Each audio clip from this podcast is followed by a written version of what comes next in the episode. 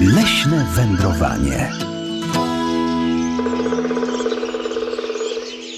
Sponsorem audycji Leśne Wędrowanie jest Regionalna Dyrekcja Lasów Państwowych w Lublinie. Leśne wędrowanie, drodzy Państwo, i ciągle jeszcze niezmiennie leśne grzybobranie. A ponieważ tak dużo o tym grzybobraniu mówimy, więc pozwolą Państwo, że jeszcze raz uczulimy Państwa na bardzo ważny problem, abyśmy wszyscy cali i zdrowi z tego grzybobrania powrócili i mogli zasiąść w spokoju do tego stołu. Drodzy Państwo, jak to jest? Co w tym koszyku z lasu przynosimy? Podgrzybki. Generalnie jest to jesień, więc to jest czas na podgrzybki i to jest grzyb bezpieczny, łatwy do zbierania, jest go dużo, polecany, smaczny. Należy się na nim skupić. Oczywiście ci grzybiarze, którzy znają, umieją, mogą zbierać przeróżne gatunki, łącznie z kaniami, z muchomorami czerwieniającymi, które są oczywiście jadalne, prawda? No ale to dla tych, którzy okazjonalnie przyjeżdżają na grzyby, proponujemy te podstawowe gatunki, które znamy wszyscy, tak? I nie ma powodu zebrać jednego grzyba tylko dlatego, żeby później narażać się na jakieś problemy. Ten głos już Państwo słyszeli i na początku oczywiście października, ale nie tylko, bo zaraz w kolejnym tygodniu również bardzo doświadczony głos leśnika, specjalisty służby leśnej, pan Piotr Kosmala z Nadleśnictwa Chełm, nam będzie tłumaczył m.in. to, co tydzień temu zaznaczyła radiosłuchaczka pani Zosia z okolic Białej Podlaskiej, że ona się akurat nie boi muchomora czerwieniejącego i tutaj za chwileczkę jeszcze raz powrócimy do tego, o czym rozmawialiśmy na początku października podczas pierwszego naszego radiowego grzybobrania, aby jednak nie popełnić tej pomyłki, którą to pomyłkę często popełniają celebrytki gdzieś na portalach społecznościowych. Drodzy Państwo, czerwieniejący, a nie czerwony. Czerwieniejący tych muchomorów w Polsce mamy wiele gatunków i niektóre z nich są jadalne. I mm, przekonałem się, że są jadalne, dlatego że w Wysowie raz do roku odbywa się w Beskidach święto grzyba i tam można degustować różne grzyby, różnie przygotowane przez specjalistów. I miałem y, okazję, przyjemność degustować właśnie muchomora czerwieniejącego i y, żyje, tak? Zresztą to jest żart, bo jak się przeczyta w przewodnikach, to okazuje się, że jest to bardzo smaczny grzyb jadalny, ale dalej y, polecam zbieranie tego, tych, takich wynalazków, w cudzysłowie, tylko tym, którzy się na tym y, bardzo dobrze znają. Czy słyszą Państwo ten głos rozsądku? Rzeczywiście, komu jak komu, ale leśniczemu z dość dużym stażem jesteśmy w stanie zaufać. Także leśnikowi, który uwielbia grzybobranie i po prostu na nim się zna. Jadłem go raz w życiu, jadłem go, jadłem go marynowanego, bo tak w ten sposób mieli tam to przygotowane, więc ja go nie zbierałem.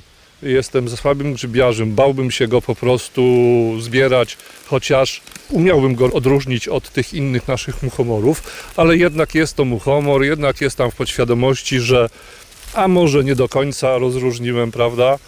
Więc musiałbym najpierw go zbierać z jakimś bardzo doświadczonym grzybiarzem, który wie na pewno, jest troszkę inny od muchora czerwonego. Nie ma takich charakterystycznych białych plam na takim i nie jest taki jaskrawo czerwony. Jest po prostu czerwieniejący, tak jak jego nazwa. Więc y, to jest tylko ciekawostka, prawda? I tutaj nikogo nie namawiam do eksperymentu na, na tym, na własnym organizmie. Pozwolą Państwo, że jeszcze raz powtarzamy ten głos właśnie dokładnie z pierwszych sobót naszego grzybobrania z października, by jeszcze raz bardziej Państwa na te sprawy uczulić. A podczas tego w tym tygodniu grzybobrania usłyszałam nawet takie słowa od starszej pani grzybiarki, która powiedziała, że ona już od kilku lat na przykład zaniechała zbierania kań. Rzeczywiście już za tych młodych lat, kiedy miała większą odwagę w tym grzybobraniu, a też doświadczoną grzybiarką jest, częściej po te kanie sięgała, a w tym roku na razie sobie podziękuję i tak już od kilku lat sobie dziękuję, bo jednak w zdrowiu, a nie w chorobie chcę przeżyć.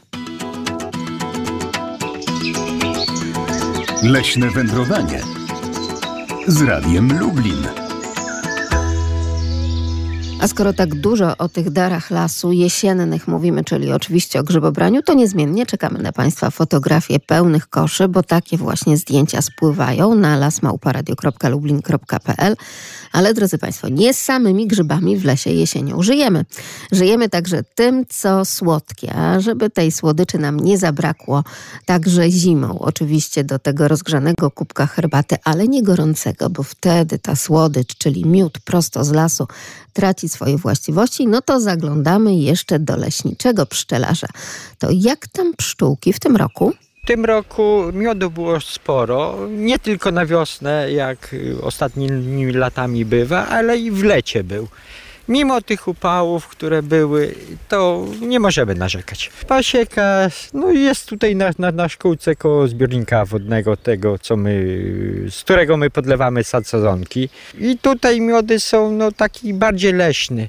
Leśny są na wiosnę, są z jaworów, z mniszka, no częściowo może z rzepaku, jak na pobliskich polach jest, a później sukcesywnie malina, jeżyny, lipa. Także to jest raczej taki wielokwiatowy miód. W tym roku lipa bardzo ładnie nektarowała. To nawet widać po nasionach, które są na drzewach. Wszystkie są pełne, wszystkie były zapylone tak, tak, że my jako pszczelarze jesteśmy zadowoleni i jako leśnicy również zwłaszcza jeżeli jest się leśnikiem, szkółkarzem, więc to bliskie sąsiedztwo roślin i leśnictwa jest jak najbardziej. Pan Franciszek Marciniak, leśniczy szkółkarz, szkółka Haliczany. Polecamy Państwu to miejsce na terenie nadleśnictwa Chełm, bo tam nie dość, że pięknie zachowana szkółka, do tego już w tym momencie przygotowana do chociażby kolejnych odnowień jesiennych, ale także obfitująca w różnego rodzaju dookoła rośliny miododajne, no bo przecież pasieka też tam się znajduje. Już w tej chwili są przygotowane do, do zimowli, także są już zaopatrzone, zabezpieczone od warozy, ocieplone i już czekają sobie na kolejny sezon. Rzeczywiście po raz pierwszy pada coś, co ma związek, drodzy Państwo, z zimą. Jeszcze, jeszcze tak o tej pogodzie zimowej będziemy rozmawiać także z panem Franciszkiem Marciniakiem, leśniczym szkółkarzem, bo chyba nie ma leśniczego bardziej doświadczonego, jeśli chodzi o pogodę, jak właśnie leśniczy szkółkarz. Państwo pamiętają, że ja tam zawsze lubię, odwiedzając szkółki leśne, zaglądać do tych kajecików pogodowych, gdzie są notatki dotyczące i temperatury, i opadów, na przestrzeni lat i miesięcy i tam znajdujemy na przykład takie smaczki, że zdarza się także w grudniu po południu jeszcze zerwać jagodę, czarną jagodę z krzaczka. No ale to takie anomalie wynotowane przez leśniczych szkółkarzy. A tutaj okazuje się, że dwie miłości pan Franciszek ma, bo oczywiście i szkółka leśna, ale także pszczoły. Wiele lat temu, już ponad 30 lat temu, był taki pracownik nadleśnictwa, główny księgowy dawny, i on po prostu nie miał komu zostawić tam tych kilka uli i, i po prostu od niego odkupiłem. On mnie tam nauczył tej całej, całej tej wiedzy, wychowywania matek, pracowania przy tych pszczołach i, i już tak zostało i do tej pory mam te pszczoły. Praca przy pszczołach wymaga terminowości to jest taka praca, której nie można czegoś zaniedbać, bo to się wszystko później się odbije na, na kondycji rodzin, na tym, na tym, jak one y, później w ciągu całego sezonu pracują. To jest pasja, bo pszczelarze tacy drobni jak ja, powiedzmy, to oni nie traktują tego jako źródła jakiegoś dochodu, czy to jest po prostu pasja. Tak jak wiele innych tam wędkarstwo czy łowiectwo, to jest to samo. A daje na pewno dużo satysfakcji i dużo miodu wyjątkowego, pachnącego. I rzeczywiście wtedy, kiedy dostajemy od leśniczego, e, czy w ogóle leśnika, pszczelarza słoik miodu, to po odkręceniu tej zakrętki czuć po prostu las.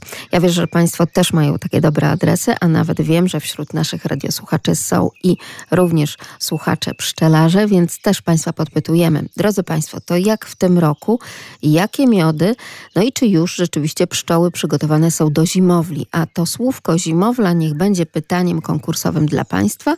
801 50 10 22, także 81 743 7 8383. Zimowla, cóż to za etap w życiu pasieki? Z czym on się tak naprawdę kojarzy? Z czym to po prostu łączyć? lasmałparadio.lublin.pl A jakie miody w tym roku? W tym roku było dużo miodu lipowego i z malin. To mniej więcej się tak yy, łączy się, prawda? Także no, ten rok to był bardzo fajny, przyjemny u tych pszczół. Ten miód y, z takich okolic niezurbanizowanych, to on jest po prostu zdrowy, bo te pszczoły nie mają kontaktu z opryskami, z, no, z całym tym ciężarem tej cywilizacji, która tam nas otacza. 22 ule, tutaj stoi na szkółce. No i takie dla nas to tak sam, samo dobrze, żeby tam dla siebie było, dla znajomych, dla przyjaciół.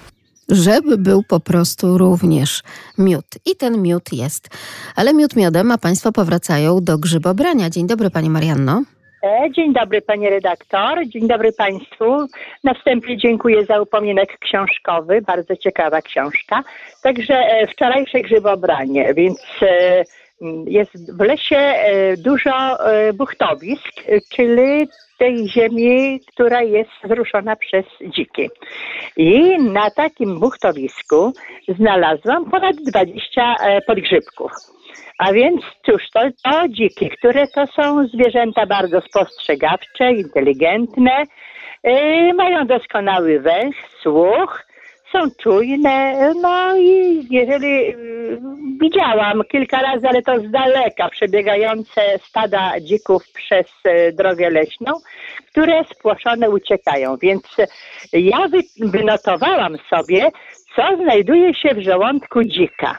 Co znaleziono? A więc żołędzie, bukiew, nasiona grabu, innych drzew i krzewów, jagody, dzikie jabłka i gruszki oraz inne owoce, trawy, zioła, gałązki koniczyny wraz z liśćmi i kwiatami, ziemniaki, inne bulwy, kłącza i korzonki, ziarno, nierzadko jaja i pisklęta ptaków, żaby i inne płazy, mysy i nornice, mięso padłej, padłej, chorej lub e, postrzelonej zwierzyny, gąsienice, pędraki, potwarki i dorosłe owady znalezione w lesie i na przyległych polach, na ziemi i w ziemi.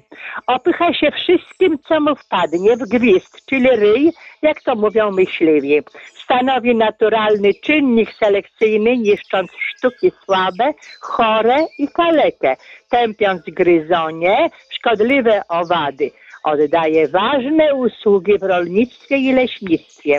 A więc tam takie owady niszczy jak sówka, choinówka, barczatka, sosnówka, poproch, cetyniak i wiele innych zimujących w ściółce leśnej, bądź to w postaci larwy czy poczwarki, a pędrak chrabąszcza musi spędzić w ziemi nawet kilka lat i to jest bardzo pożywna, pełna białka potrawa dla dzika. Walka chemiczna niszczy osobniki też pożyteczne, a więc te dzicze watachy regulują liczebność las, larw i poczwarek, a mają niezwykle czuły organ węchu, czyli tabakierę i liczytel to buchtowanie, któremu dzik poświęca niemal całe życie, ma także znaczenie dla lasu, jak i uprawa gleby przez rolnika. Dzięki przemieszaniu ściółki, próchnicy i ziemi ulega przyspieszeniu bieg procesów glebowych.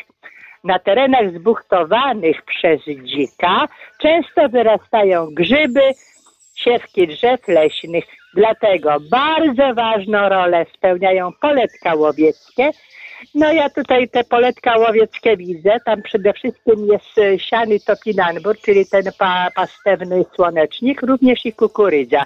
Także właśnie, co jeszcze zauważyłam w lesie, że już mrówki śpią, wiele jest mrowisk, stąd lasy są zdrowe. Mrówki na razie już tam sobie poszły spać, ale wracając obok rzeki, która jest przy blisko mojego miejsca zamieszkania, więc jest działalność bobrów, gdzie dosyć, dosyć grube pnie są przez bobry właśnie już ścinane.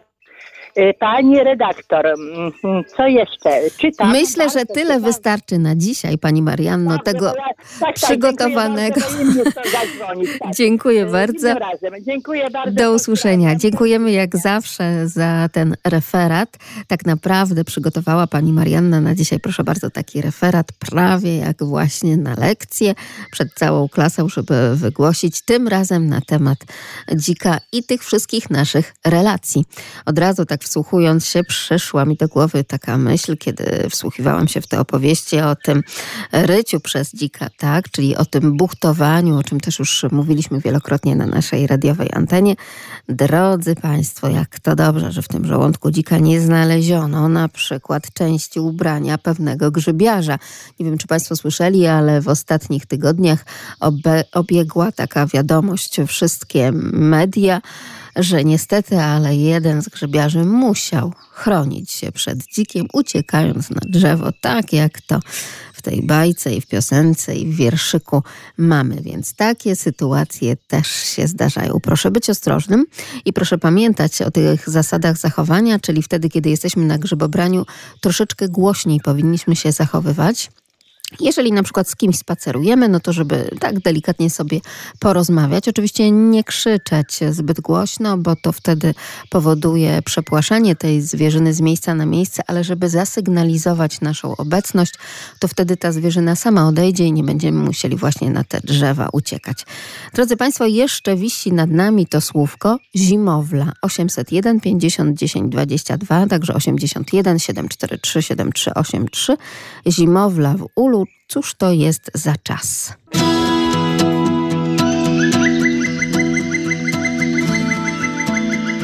Leśne wędrowanie. Pan Waldemar odzywa się do nas z tym swoim niezmiennym, rzemiennym dyszlem i między innymi pisze, że wczorajsze grzybobranie konno, tak naprawdę na tych terenach, gdzie mieszka, nie w lesie, ale pod brzozą kozaki, a borowika znalazł w przydrożnych zaroślach, więc nawet rzeczywiście tych grzybów jest ciągle jeszcze tak dużo, że chociażby z pozycji konia też jesteśmy w stanie je gdzieś tam dostrzec. A pan Waldemar pisze jeszcze, że zbieranie grzybów kojarzy się z głosem odlatujących żurawi.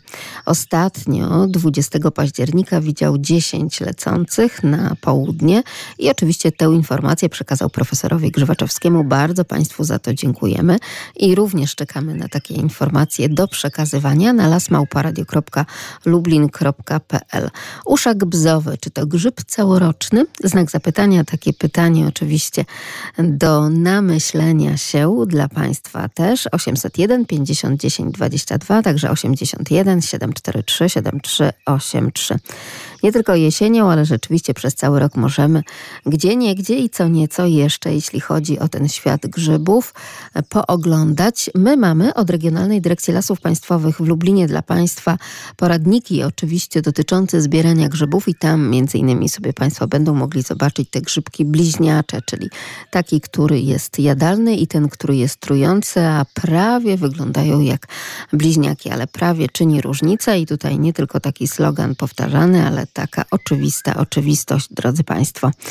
Jeszcze jeśli chodzi o nasze kwestie związane chociażby z pszczółkami, zimowla, tutaj chociażby Państwo piszą, że to jest taki czas, podczas którego tak naprawdę pszczoły nie opuszczają ula, tworząc kłąb pozostający przez cały czas w ruchu. Czy to się zgadza? Halo, halo, dzień dobry. Dzień dobry pani redaktor. Ja na zimowy nie chciałem odpowiadać. Chciałem podzielić się z taką nowym doświadczeniem. Ostatnio, było to 9 lat temu, z redaktorem świętej pamięci Wróblewskim jechaliśmy przez Lasy Kozłowieckie i z odległości dosłownie 20 metrów widzieliśmy orła siedzącego na drzewie. Natomiast w tym tygodniu miałem to szczęście, że nad moim podwórkiem zobaczyłem orła krążącego. Co, co dla mnie było rzeczą fascynującą, bo znowu z niedużej odległości go widziałem, on się krążył i unosił do góry. Także jeżeli pani pozwoli, to gdzieś tam za jakieś pół godzinki może prześlę zdjęcie.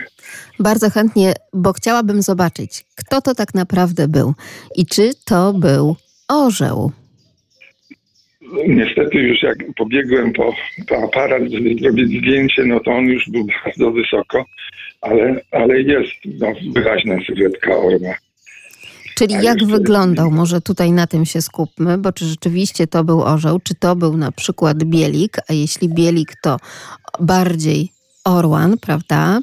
Więc Raczej orzeł przedni, bo nie, nie, nie miał tych, tych zabieleń ani na ogonie, ani na, na głowie, bo, bo to bielik byłby wtedy. Natomiast y, sylweta absolutnie po prostu rozróżnia między jaszczębiem a, a, a orłem. No ja, ja jak najbardziej panu wierzę, tylko właśnie tutaj chciałabym, żebyśmy sobie parę rzeczy także wyjaśniali, no bo wtedy e, pomiędzy taką rozmową i wymianą zdań po prostu się uczymy od siebie nawzajem. Więc myślę, że to jest najcenniejsze, zwłaszcza, że tak często przecież e, jastrzębie również mylimy, bo generalnie te drapieżniki, jak tylko zobaczymy kilka podstawowych cech takich, e, które chociażby już w szkole podstawowej dzieci poznają, prawda, czyli odpowiednio zakrzywione pazury, dziób i tak dalej, no to już wydaje nam się, że tak dużo wiemy. Ale to bardzo ciekawe, o czym Pan mówi. Jeśli tylko takie zdjęcie otrzymamy, to też oczywiście tą wiadomością ornitologiczną podzielimy się z profesorem Grzywaczewskim, dobrze? Dobrze, tak. A jeszcze, jeżeli można wrócić Można, można. grzybów, bo y, ostatnio y, chwaliłem się, że tak powiem, osiągnięciem zebrania tych dużej ilości kani.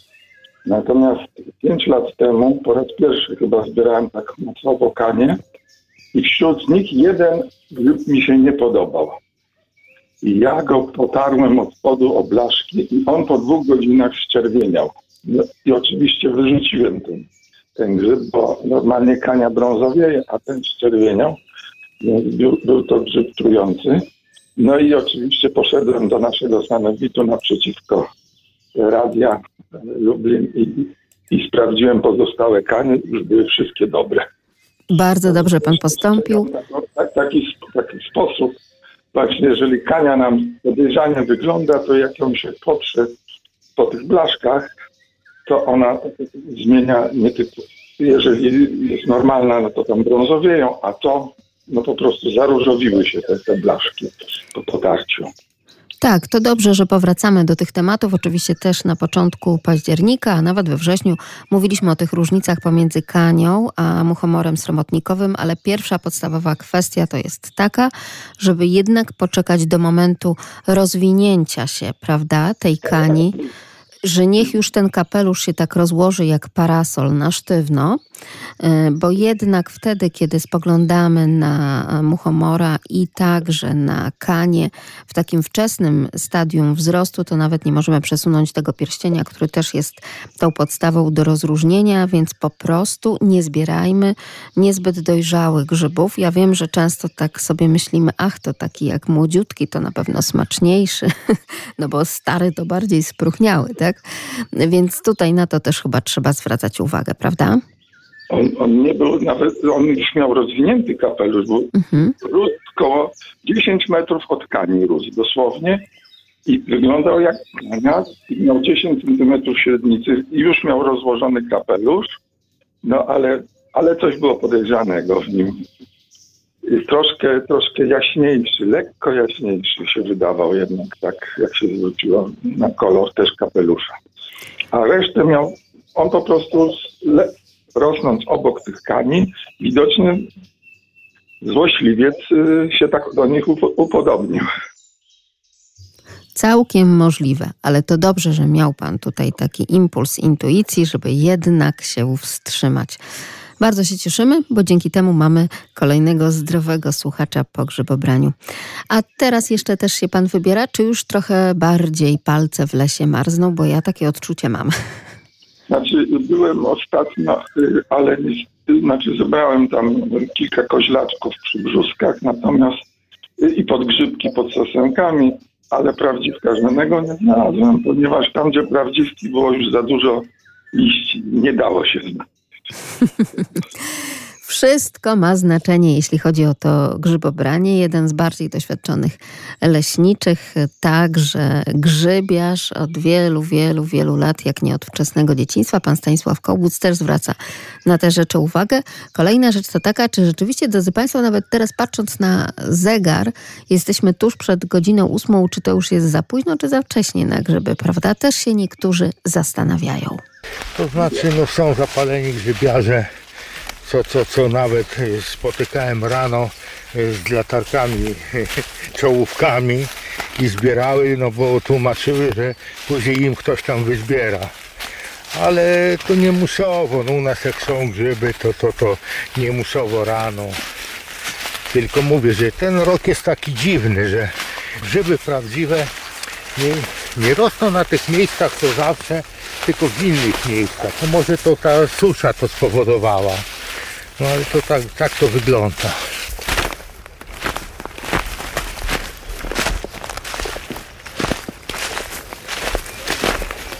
A wygląda całkiem dobrze, drodzy Państwo, w takim oto leśnictwie Mosty, tam gdzie urzęduje m.in. pan Stanisław Kołboc jako podleśniczy, to co krok, gdzie się nie spojrzeliśmy. Grzyb, grzyb i grzyb, podgrzybek dokładnie. Podgrzybki. No mówię, że już jak jeden, to trzeba tylko. O, jaki piękny. Jaki piękny i pierwszy, i drugi, i trzeci, i kolejny. I takiego grzybobrania Państwu życzymy.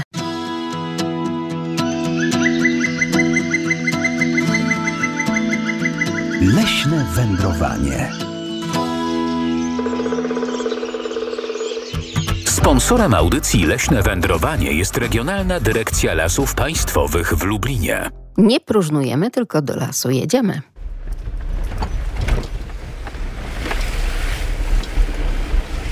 Ostatnio przedzieraliśmy się przez śniegi w zimie, a teraz przedzieramy się przez kałuże.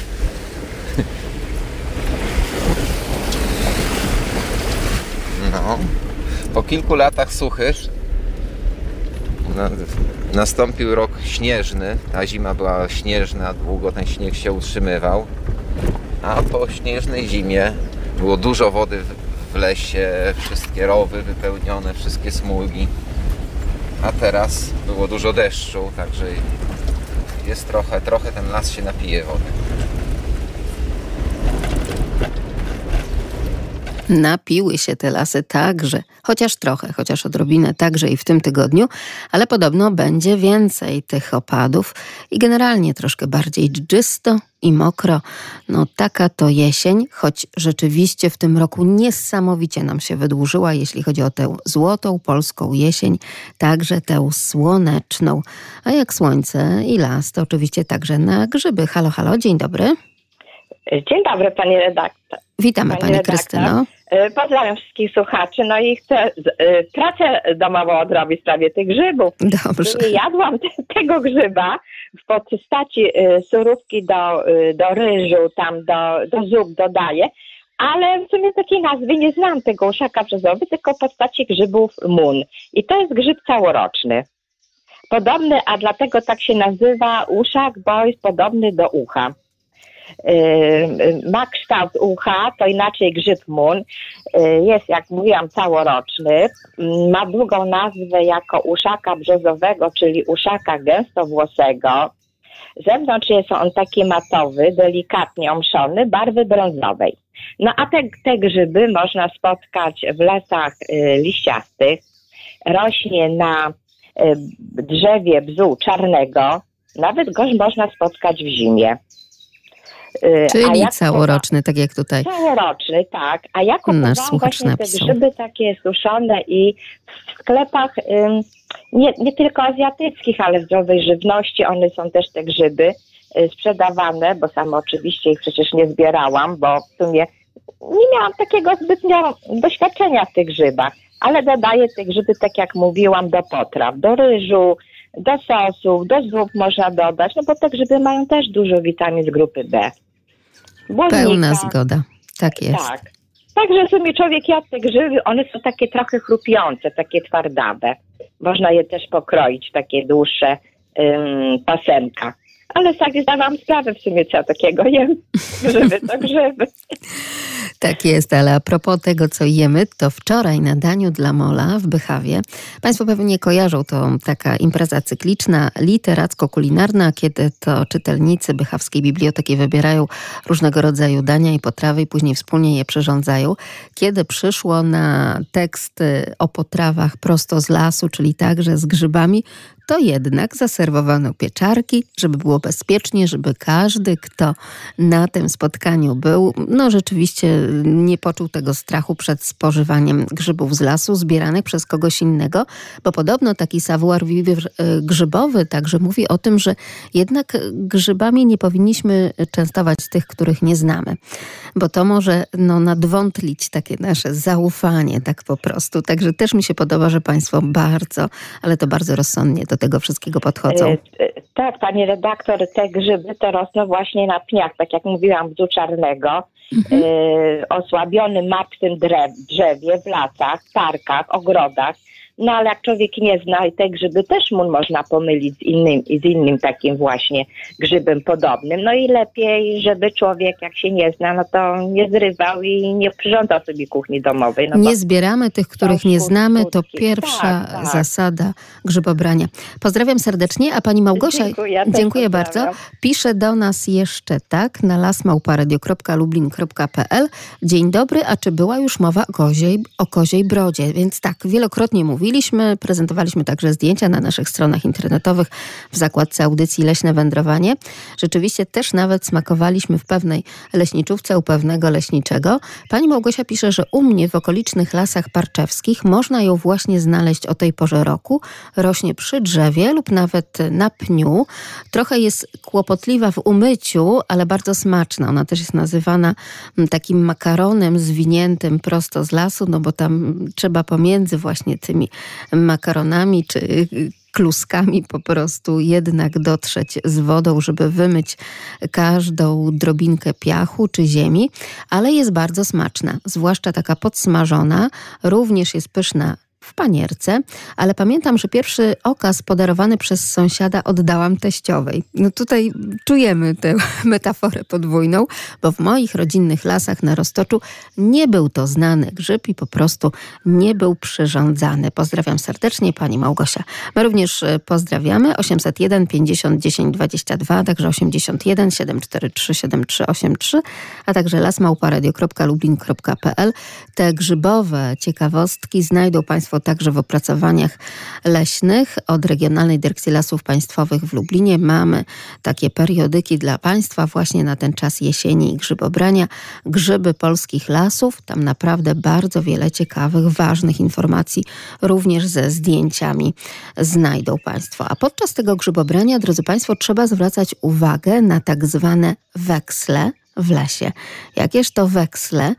Weksle to ścieżki zwierza dzikiego. Czemu to takie ważne? Tłumaczą leśniczowie. I tu właśnie ta woda odpływała tak naprawdę, chociaż takie korytarze często można obserwować, właśnie takie typowe ścieżki, weksle zwierząt. Zwierzęta też idzie tamtędy, gdzie jest jej najłatwiej po prostu, jest to normalne. My też to często wykorzystujemy, po, później podczas podchodząc te, te jelenia w czasie rykowiska też wykorzystujemy te ścieżki właśnie zwierzyny, bo tam jest najciszej, najbezpieczniej można przejść, najłatwiej. One też nie idą w najgorsze bagna, nie idą w takie tereny, gdzie po prostu jest im ciężko przejść, tylko starają się wybrać jakieś najłatwiejsze przejścia. Przede wszystkim jelenie jest tutaj najwięcej. Łosie też widziałem, e, bobry oczywiście, Kiedyś chyba dziki, choć tutaj dzików raczej jest mniej jednak. Ogólnie w lasach janowskich nie mamy zbyt wielu dzików, ponieważ są tu głównie lasy sosnowe, więc te dziki nie mają za bardzo co u nas jeść. Mamy też sporo wilków, więc to też na pewno powoduje, że, że dzików nie ma zbyt wielu.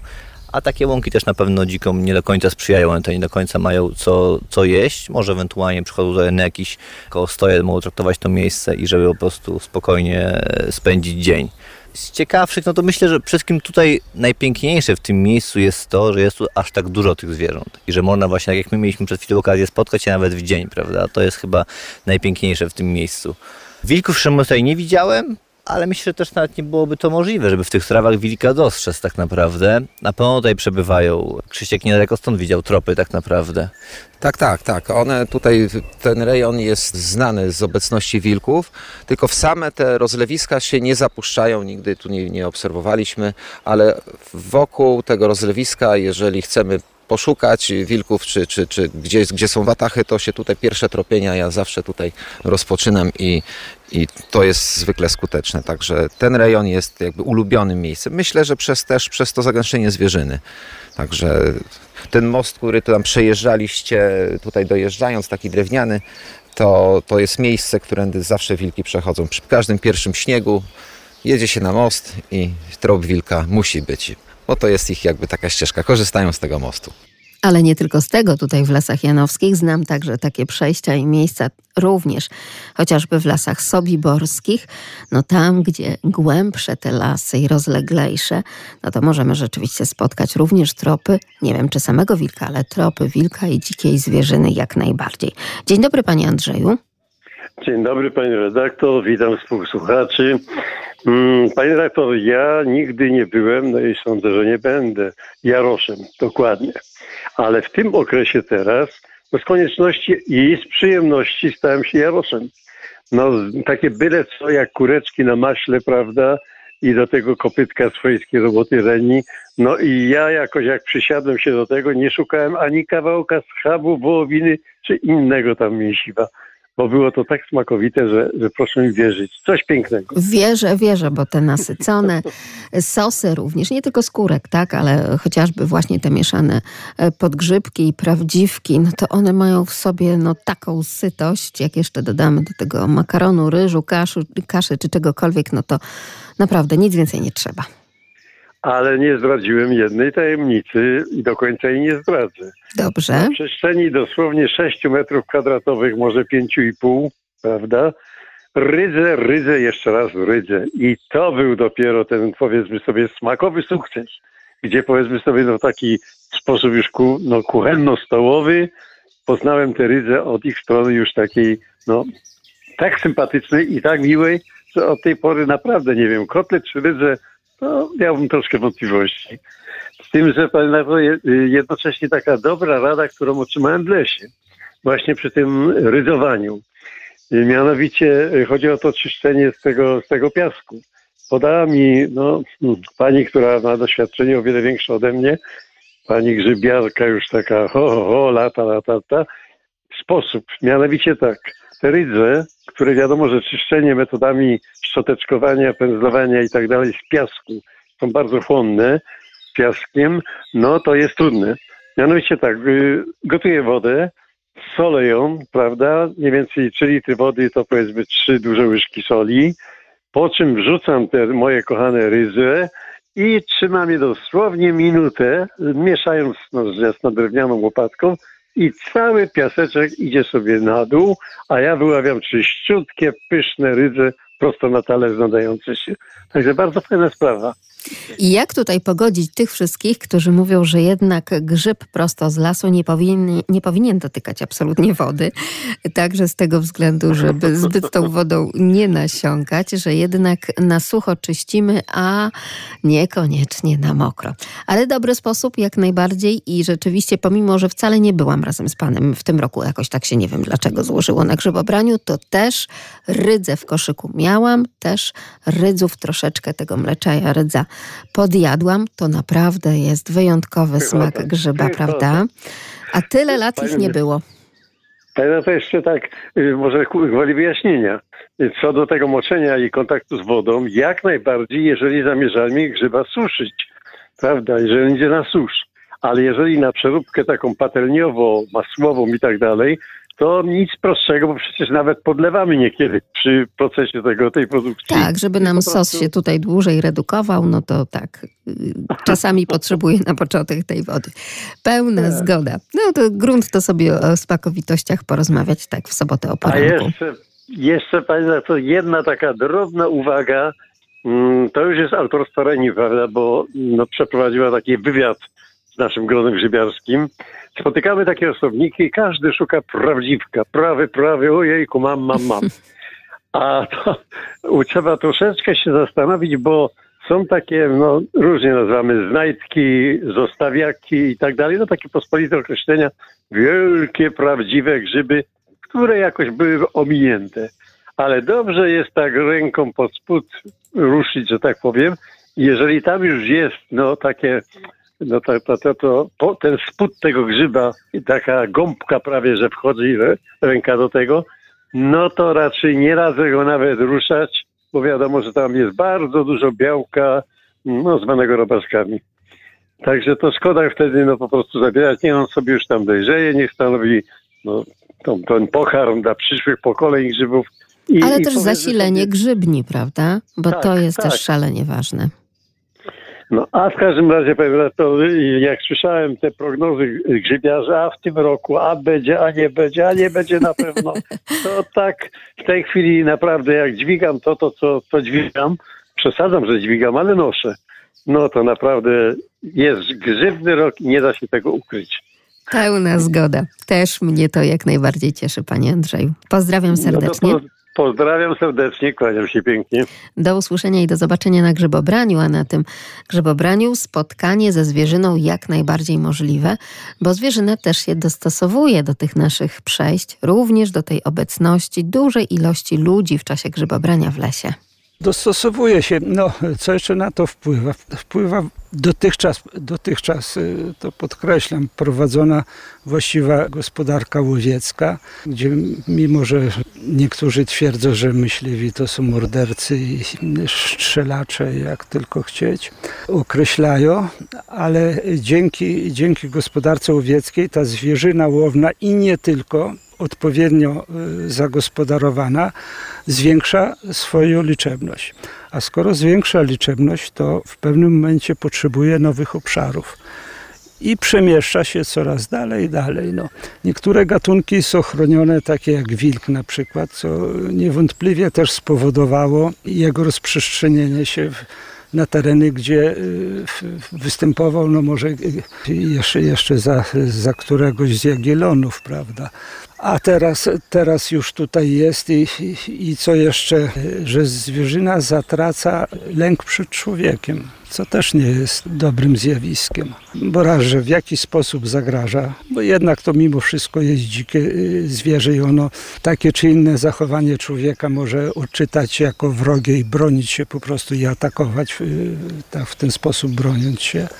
No i to może też się źle skończyć.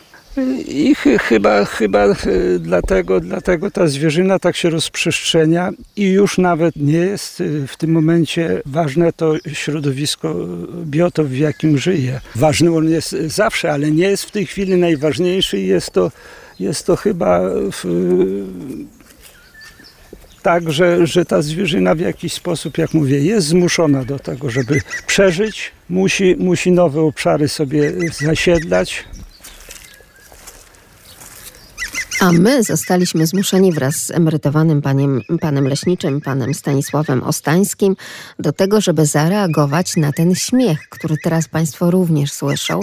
No tak sobie rozmawiamy o poważnych rzeczach. E, rzeczach związanych także z edukowaniem radiosłuchaczy i raczej w tej wypowiedzi no nic śmiesznego nie było.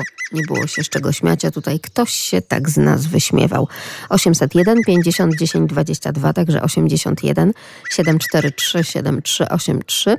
Czy wiedzą Państwo, czyj to może być głos?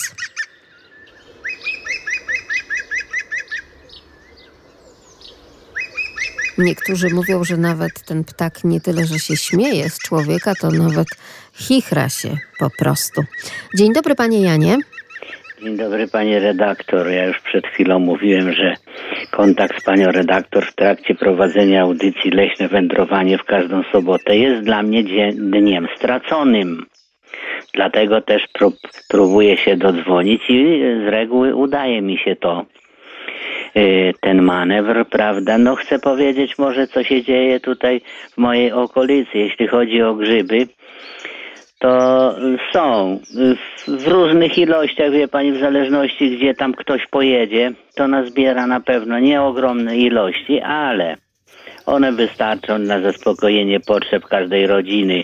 Ja byłem wielokrotnie w tym roku, jeszcze chyba będę, jeżeli będzie sprzyjała pogoda, może jutro wybiorę się w miejsca takie znane, żeby nie zabłądzić. To jest Roztocze, mówię bardzo ogólnie, to są północne rejony powiatu zamojskiego. W różnych, w różnych miejscach bywam sam z reguły nie, natomiast w towarzystwie tam moich najbliższych jedziemy na kilka godzin i mamy nazbieraną sporą ilość grzybów. No cóż, mogę powiedzieć teraz może troszkę, co się dzieje, jeśli chodzi o meteorologię. No zapowiada nam się również bardzo ładny dzień, nie mówię, że piękny. Takie obłoczki, kumulusiki bardzo niewielkie, one się pojawiają na niebie, ale słońce Myślę, że za kilka, za godzinę może pojawi się i będzie słoneczny również dzień. Jest bezwieczna pogoda. Nawet listki na mojej brzozy, którą widzę przez okno, są w, no, nie ruszają się w ogóle. Natomiast jeśli chodzi o temperaturę, to, yy, około 8 stopni w tej chwili. Natomiast w, w, ubiegła noc, no to był mróz kilka, u mnie na termometrze e, na osiedlu było minus 3 stopnie, także było siło, wie pani. A teraz jest, nie ma przymrozka, jest, jest bardzo łagodny dzionek, także przyjemny. Zachęcam do jazdy na rowerze, kto nie jedzie do lasu, na spacery, wykorzystując przepiękną, przepiękne pastelowe kolory liści, y, szczególnie drzew oczywiście liściastych. Także wszelkie wszelkie y, formy relaksu są wskazane, ponieważ no mamy akurat jutro mija jeden miesiąc od y, rozpoczęcia kalendarzowej jesieni. Pełna zgoda.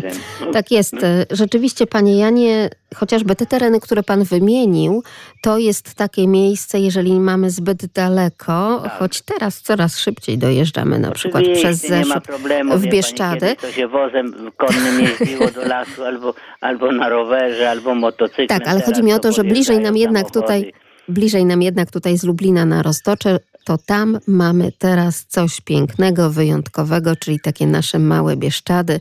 Tak jest. Tradycyjnie jesienią warto wdrapać się chociażby na Bukową Górę, no to już taki punkt tak. znany także panu jako przewodnikowi. Z pewnością nie jeden raz tam pana noga stanęła z niejedną grupą, prawda? Więc to tak, jest tak. to miejsce, które warto absolutnie Oczywiście. polecić. Bardzo zachęcam. Tak jak powiedziałem, zachęcam również, jestem pod urokiem północnej części powiatu zamojskiego, a szczególnie mhm. gmina Skierbieszów. Pani tak zapewne była, zna Oczywiście. Pani te tereny, działy grabowieckie, tereny pagórkowate, bardzo urocze. Y, y, gdzie niegdzie zdarzają się lasy, mam tu na myśli szczególnie wsie, bo lasów tej, w tych okolicach jest bardzo dużo, chociażby zna nam wszystkim Państwu Pańska Dolina, prawda, mhm. gdzie również jest teren Grzy, bo wy. O tak. I tym miłym akcentem yy, Dziękuję za rozmowę, za kontakt i do usłyszenia pewnie. Za, może uda mi się w sobotę zadzwonić do Państwa. Z wielką przyjemnością rozmawia się. Także ja nie jestem odosobniony w opinii wydawanej przez radiosłuchaczy, których jest mnóstwo i z tego, ale to nieprzypadkowo, ponieważ Pani bardzo ładnie prowadzi audycje. Są one bardzo interesujące, są edukacyjne, także wszystkie naj. Na Pani ręce składam jako jeden z wielu, wielu fanów tej audycji. Bardzo pięknie dziękuję i do zobaczenia także gdzieś tam w okolicach Zamościa. Panie Janie, do usłyszenia.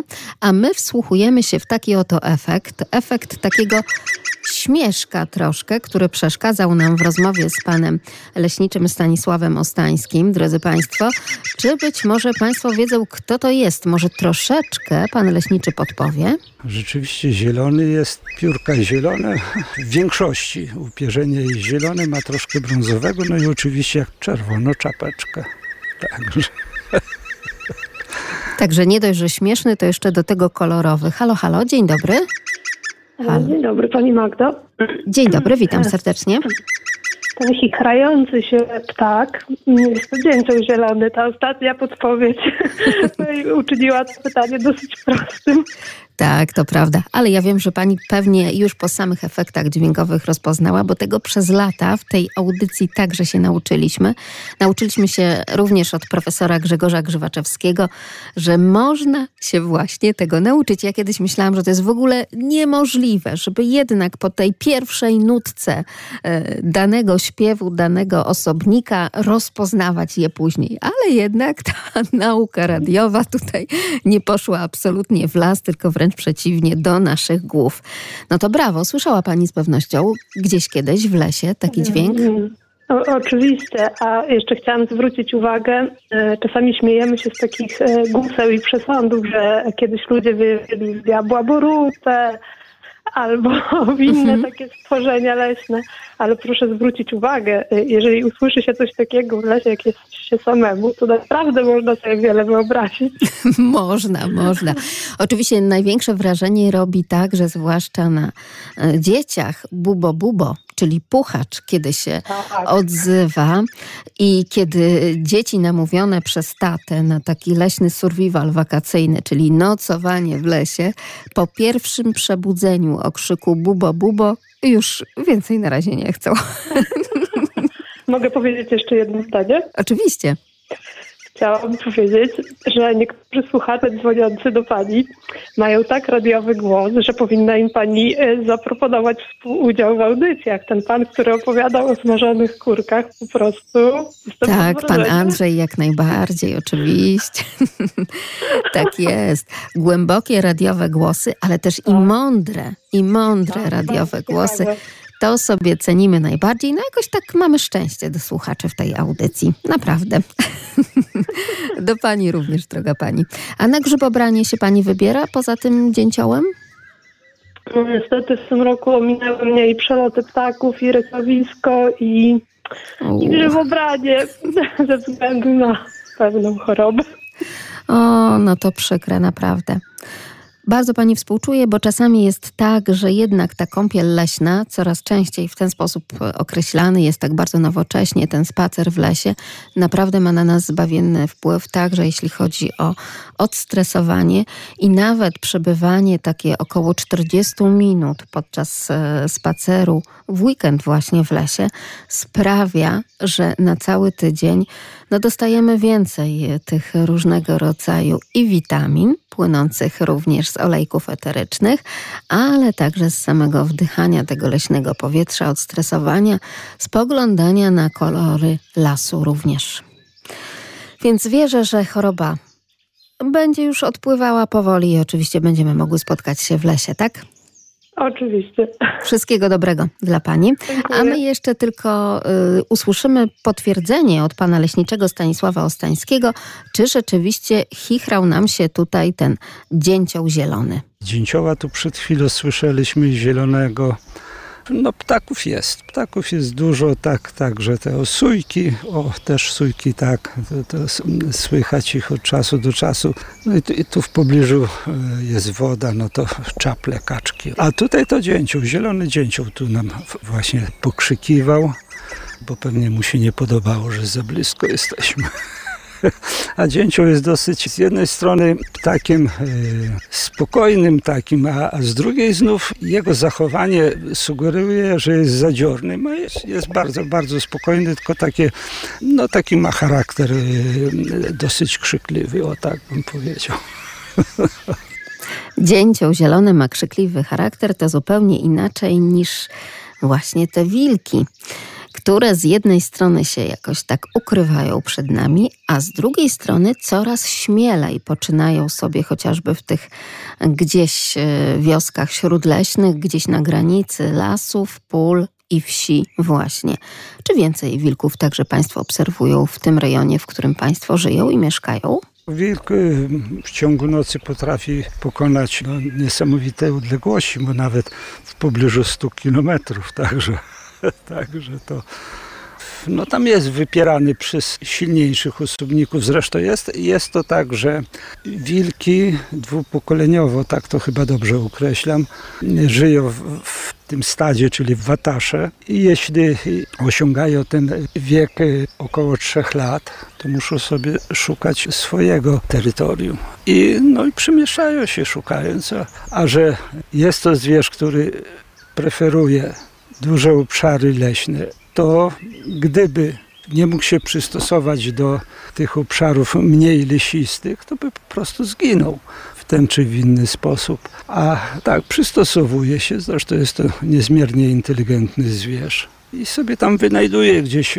w tych, w tych zurbanizowanych terenach jakieś mniej hałaśliwe miejsca. A tak jak, jak tu na naszym terenie zakrzaczone wąwozy, które no niejednokrotnie są bardziej niedostępne jak wielkie obszary leśne, na przykład lasów, lasów iglastych na borach suchych czy świeżych, gdzie praktycznie można tymi zresztą leśnymi drogami wszędzie bez problemu człowiek może się dostać. Natomiast tutaj w taki wąwóz to nie bardzo wejdzie, bo głuk, tarniny, pokrzywy, chmiel. Jest to dżungla, innymi słowy. I jeszcze ukształtowanie terenu, gdzie jest niemal, niemal tak jak w górach te wąwozy. Znajduje to miejsce na dzienny pobyt, a sobie w nocy to hasa. Hasa sobie i tu, i tam, a my ludzie mamy szansę także zobaczyć nie tylko tropy, ale również te watachy wilków przechodzące przez drogi. Jak co sobotni poranek jestem z Radiem Lublin. W tym tygodniu zebraliśmy nasze opieńki, reszta została dla zwierząt.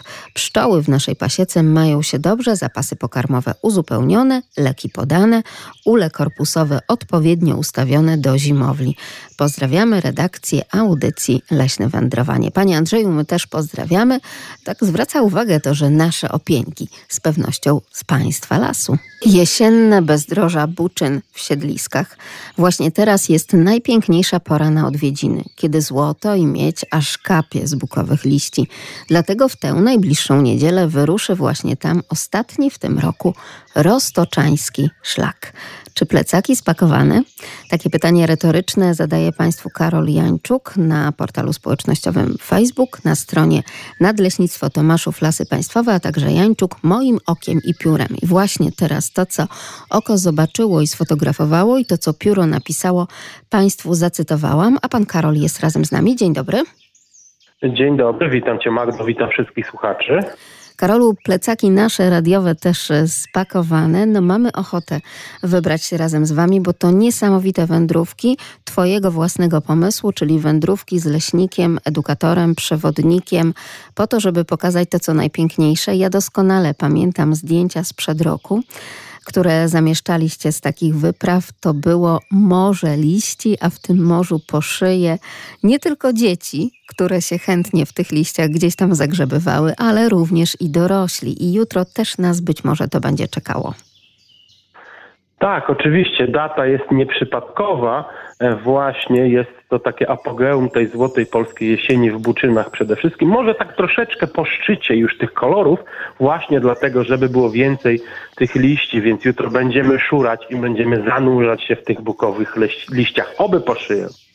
Powiedz, y, sama koncepcja tych roztoczańskich szlaków y, z leśnikiem y, to jest świetny cykl spotkań tych, którzy obserwują na przykład fanpage Nadleśnictwa Tomaszów i mają ochotę troszkę bardziej poznać las. Tych spacerów w ciągu roku kilka przeprowadzacie, prawda? E, w zeszłym roku, który był rokiem premierowym dla tego projektu, było cztery spacery. W tym roku, nie ukrywam, na wniosek uczestników, e, już tych spacerów jest pięć. To jest piąty spacer. Jak będzie w przyszłym roku, nie wiem. Będziemy o tym jutro rozmawiać właśnie z uczestnikami, jak oni to widzą, bo też chcę słuchać ich opinii i zmieniać te, te nasze wyprawy właśnie pod kątem tego, żeby się uczestnikom podobało. Żeby zapisać się na taki spacer, to trzeba śledzić informacje zamieszczane właśnie na stronach Nadleśnictwa Tomaszów, Lasy Państwowe. Trzeba się zapisać, no bo jednak chodzi o to, żeby ta liczba uczestników była do dźwignięcia, chociażby przez ciebie jako leśnika, jako leśnika przewodnika, ale też, żeby sobie nie przeszkadzać w takim spacerowaniu. Zbyt duża liczba osób, prawda, no to nie byłaby tutaj tak w okolicach setki z pewnością chętnych by było. Ale tutaj już piszecie, że to ostatni ro, roztoczański szlak. No i oczywiście pojawiają się głosy, że nie, jeszcze nie, bo może jeszcze ta jesień troszeczkę będzie trwała, może jeszcze nam się uda. Czy jest szansa? Nie ukrywam, że patrząc po ostatnich zapisach, kiedy ten standardowa ilość miejsc, czyli 35 mniej więcej, rozeszła się w 40 minut i troszkę, że tak powiem, e, popuściłem te swoje E, że tak powiem, zasady i zapisałem więcej osób, e, jednak skłania mnie to do tego, żeby coś jeszcze zorganizować, jakąś małą niespodziankę dla fanów, późną jesienią, może wczesną zimą. Także ci, którzy nie zdążyli się zapisać, e, niech nie porzucają nadziei, coś jeszcze dla nich szykujemy. Bo to jest dobra okazja, żeby podczas takiego spaceru nie tylko podziwiać ten las dookoła, ale dowiedzieć się czegoś o nim, dowiedzieć ze względów przyrodniczych, ale również prowadzonej gospodarki leśnej. Ty nie boisz się pytań o gospodarkę leśną w czasie takiego spaceru, prawda? E, Absolutnie i właśnie to też był zamysł e, całego roztoczeńskiego szlaku, żeby przy okazji zwiedzania miejsc takich mniej oczywistych turystycznie rozmawiać właśnie o lesie nie tylko z punktu widzenia przyrody, ale też z punktu widzenia leśnika, wymieniać myśli, konfrontować jakieś, e, jakieś teorie, pokazywać ten las także od strony gospodarki leśnej. Czy często ci podczas takiego spaceru, ci ludzie, którzy z tobą wędrują, dopytują o to, a dlaczego ci leśnicy w ostatnich latach tak dużo tną? I czy od razu tutaj jakby nie odczuwamy no, takiego negatywnego założenia w stosunku do pracy leśnika? E, owszem, rozmawiamy także i o surowcu drzewnym, rozmawiamy także i o, e, o trzebieżach, o rębniach, o takich można powiedzieć sposobach użytkowania lasu, ale o dziwo, jestem oczywiście przygotowany, jestem leśnikiem, prawda, więc jestem merytorycznie przygotowany zawsze, ale nie spotkałem się przez cały właśnie, cały cykl dwuletni żadnych właśnie opinii negatywnych, raczej staram się rozmawiać niż rzucać teorie, prawda, jakieś, e, czy mm, mówić coś, e, nie wiem, no, głosić jakieś właśnie e, takie hasła. Rozmawiamy, po prostu rozmawiamy. Jeśli ktoś ma jakąś uwagę, a czemu tyle tniecie, pokazujemy tu dlatego, e, to, to z czego wynika po prostu, bo w lesie wszystko z czegoś wynika, wszystko jest logiczne. Logiczne jest także to, że zapraszając na te spacery, na te wędrówki, od razu zaznacza, że na przykład ten niedzielny spacer będzie trwał około 12 kilometrów, prawda, jeśli chodzi o trasę. Więc dobrze by było przygotować również dzieci e, do takiej wędrówki, bo tutaj rodziny z dziećmi, jak rozumiem, bardzo chętnie chcą w tym uczestniczyć. Trzeba liczyć siły na zamiary, odpowiednie obuwie wskazujesz również, czyli za kostkę, bo teren nie będzie równiutkim i gładkim. No i otwarte oczy i wszystkie inne zmysły na podziwianie chociażby tej buczyny karpackiej, prawda? Tak, to nie są spacery, to raczej są wyprawy czasem dość wymagające. Zdarzało się, że ci najmłodsi w końcu lądowali e, na ramionach rodziców, bo po prostu no, długa trasa, ciężka e, i nie dawały rady. Ja dlatego zawsze informuję, staram się, żeby uczestnicy wiedzieli dokładnie, czego mogą oczekiwać, ale zazwyczaj najwięcej pytań jest o ognisko. To już punkt na finał. Ty zabierasz ze sobą oprócz kiełbasek na ognisko także aparat, prawda? Tak, ja bez aparatu do lasu się nie ruszam. A później te zdjęcia mogą Państwo podziwiać chociażby na e, portalu społecznościowym Facebook, Nadleśnictwo Tomaszów Lasy Państwowe na tym fanpage'u, ale także Jańczuk moim okiem i piórem. Życzymy, żeby to oko i pióro nadal było tak ostre, wyraziste, no i żeby pokazywało nam tę przyrodę. Bardzo Ci dziękuję i do spotkania. Dziękuję, pozdrawiam wszystkich słuchaczy i życzę miłego weekendu. Dziękujemy bardzo. Będziemy śledzić także te wyprawy na roztoczańskim szlaku, drodzy Państwo. Będziemy także podpatrywać również te ścieżki, którymi Państwo wędrują, czyli nasi radiosłuchacze. Pan Krzysztof napisał, że na początku chciał bardzo podziękować za tę audycję, a także za wiedzę, którą Państwu tutaj e, przekazujemy. Jadę sobie. Jadę sobie często, nawet bardzo często rano w sobotę samochodem i słucham ciekawej audycji o lesie. Tydzień temu w tę porę już zbierałem grzyby, a dzisiaj to może dopiero gdzieś za godzinę albo półtorej wyruszę. Ale tak jak słyszeliśmy, e, zresztą tutaj mówił to pan leśniczy, na pewno grzybów nikt wszystkich nam w lesie nie wyzbiera, więc także znajdzie się również i coś e, dla nas. A nawet jak będzie ich mniej, to i tak, e, tak jak i pani redaktor tutaj mówiła, przede wszystkim spacer po lesie to jest coś pięknego. I tego sobie, drodzy Państwo, nie żałujmy. Dawkujmy jak najwięcej i do usłyszenia już za tydzień w sobotę. Magdalena Lipiec-Jaremek, dziękuję bardzo. Dziękuję także Krzysztofowi Mysiakowi, który ten program zrealizował. Do usłyszenia. Sponsorem audycji Leśne Wędrowanie jest Regionalna Dyrekcja Lasów Państwowych w Lublinie.